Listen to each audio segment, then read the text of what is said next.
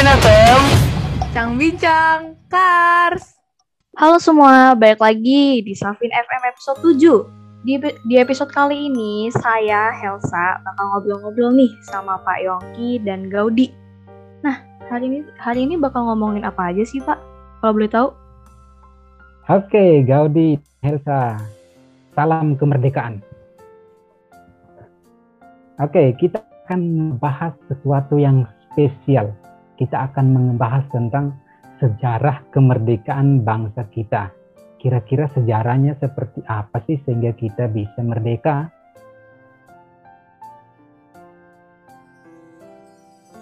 Weh, udah umur 76 aja ya Indonesia. Iya, Gaudi, umur Indonesia itu udah 76 loh. Kalau kita itu akumulasikan ke umur manusia, wah itu rupanya udah tua ya, udah tua banget tuh pasti udah pakai tongkat tuh. Tetapi kita sebagai anak-anak bangsa nih yang masih muda-muda jiwanya membara, nggak boleh seperti orang tua. Tetap semangat, kita tetap berkibar sebagai orang-orang muda yang hebat. Nah, Elsa, Gaudi, Pak Yongki mau tanya nih, kira-kira Helsa itu Gaudi itu udah uh, kibarkan atau pasang bendera di rumah belum nih?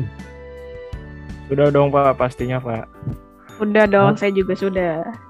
Oke, Gaudi Helsa, itulah keterlibatan kita ya dalam berpartisipasi, berpartisipasi sebagai anak-anak bangsa, turut serta memeriahkan kesemarakan kemerdekaan ini. Nah, ngomong-ngomong nih, saya kan mau bahas sejarah nih, ya toh? Tetapi kita harus tahu dong sejarah kita itu kira-kira berawal gimana sih? Kalian tahu gak sih siapa sih tokoh-tokoh bangsa atau pahlawan pahlawan bangsa kita yang berjuang memerdekakan Indonesia? Coba Pak Yongki pengen tahu nih dari Gaudi. Ayo Gaudi, menurut kamu siapa sih yang kamu kenal? Ada nih Pak, Soekarno Pak. Soekarno berperan sebagai pembaca teks proklamasi.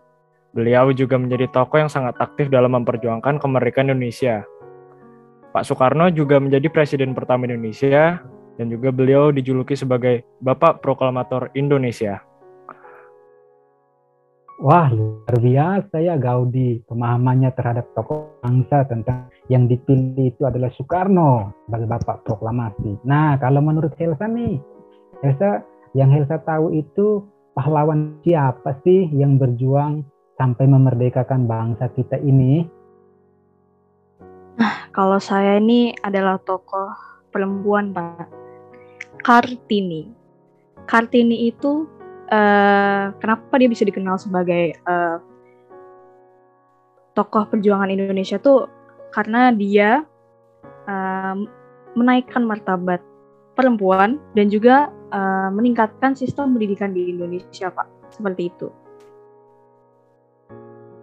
Oke, luar biasa ya jawaban Helsa bahwa Kartini itu adalah salah satu pahlawan wanita.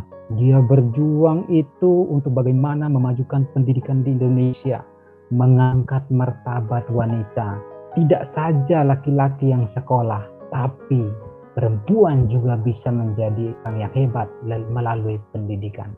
Oke, luar biasa. Nah, setelah kita ngomong tentang tokoh bangsa, pahlawan bangsa nih, kita mau ngomong lagi deh tentang identitas bangsa kita.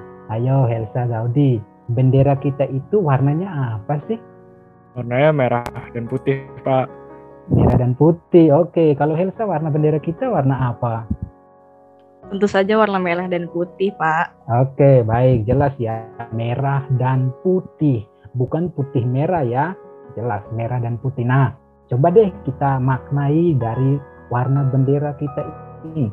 Menurut kalian warna merah dan putih itu mau melambangkan apa sih? Coba Pak Yongki pengen tahu nih dari Gaudi.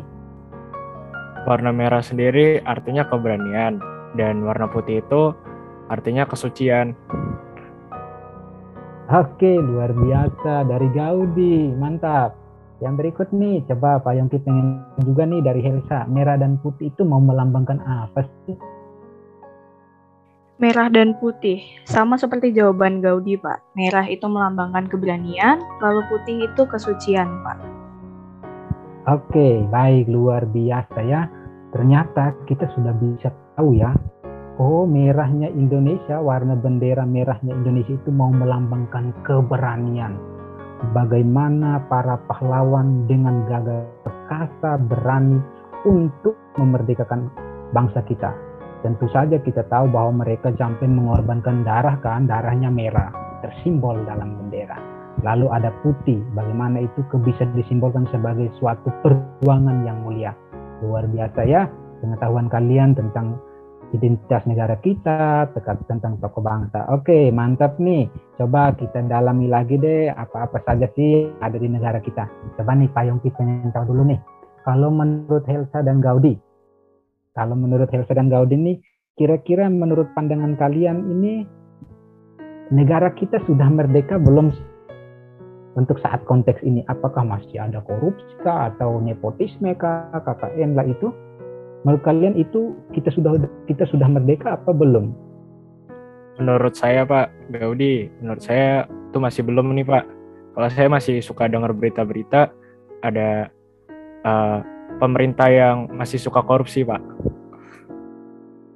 Oke, luar biasa ya bahwa Gaudi mengatakan bahwa negara kita memang sudah merdeka ya tahun 45 tetapi masih ada praktek-praktek masih mau berjuang untuk menyengsarakan lewat praktek-praktek korupsi. Kalau menurut saya sendiri coba kalau dalam konteks dunia pendidikan kita itu udah merdeka di pendidikan belum? Apakah masih telat uh, masuk ke sekolah kah, masih malas kah, masih tidak tertib kah?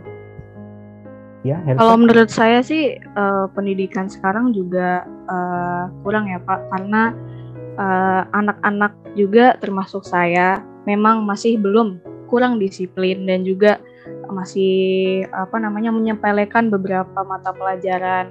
Uh, mereka mereka juga kayak uh, lebih mementingkan keinginan mereka seperti bermain game, melakukan hobi mereka daripada belajar untuk meraih masa depan mereka, Pak. Oke, baik. Nah, ini realita kita. Tadi yang Pak Yongki katakan bahwa bangsa boleh tua, ya umurnya sudah 76, tetapi kita anak-anak muda, apalagi kita yang masih di dunia pendidikan, harus berjuang. Kita harus merdeka di dunia pendidikan. Yang tidak merdeka di dunia pendidikan kalau kita masih malas ya kita masih egois kita masih ada uh, bergaul bersahabat dengan hanya sesama dari suku ataupun dengan kelompok tertentu nah ini harus kita tinggalkan sebagai anak-anak bangsa. Karena kita itu bersaudara di dalam Indonesia oke pesan Pak Yongki kepada Gaudi dan Elsa marilah ya kita sebagai anak-anak bangsa nih yang masih berjuang di bangku pendidikan kita berjuang untuk memajukan bangsa kita, tanah kita, berjuang untuk memerdekakan Indonesia ini dengan cara yang sederhana. Mulai rajin belajar, mulai bergaul dengan siapa pun ya, entah orang tua, entah dengan sahabat, dan kita berlaku untuk tetap menaati aturan yang dibuat oleh pemerintah. Sepakat ya, Elsa Gaudi? Sepakat ya? Oke, nah oke okay, baik. Sekarang Pak Yong kitanya lagi nih kalau komitmen Helsa dan Gaudi sebagai anak-anak pelajar nih, komitmennya apa? Pak Yongki coba mulai dari dari, dari Gaudi. Kalau saya sendiri, saya mau rajin belajar supaya ke depannya di masa depan saya bisa membawa nama Indonesia ke kancah dunia, mengembangkan teknologi-teknologi yang ada di Indonesia supaya ke depannya Indonesia bisa bersaing di bidang teknologi tingkat dunia. Wah, mantap komitmen yang luar biasa dari anak bangsa Gaudi. Sekarang komitmen dari anak bangsa Helsa. Pasti komitmenmu nak?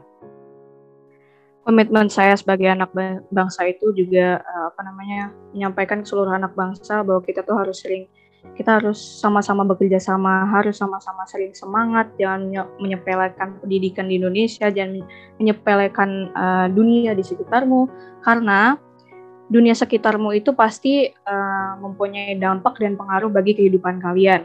Biar apa? Biar kalian itu bisa uh, semakin maju ke depannya, semakin mempunyai pengalaman uh, dalam dalam berkehidupan gitu. Jadi kalian jangan malas-malas belajar, harus sering-sering berdoa juga, jangan lupa sama Tuhan.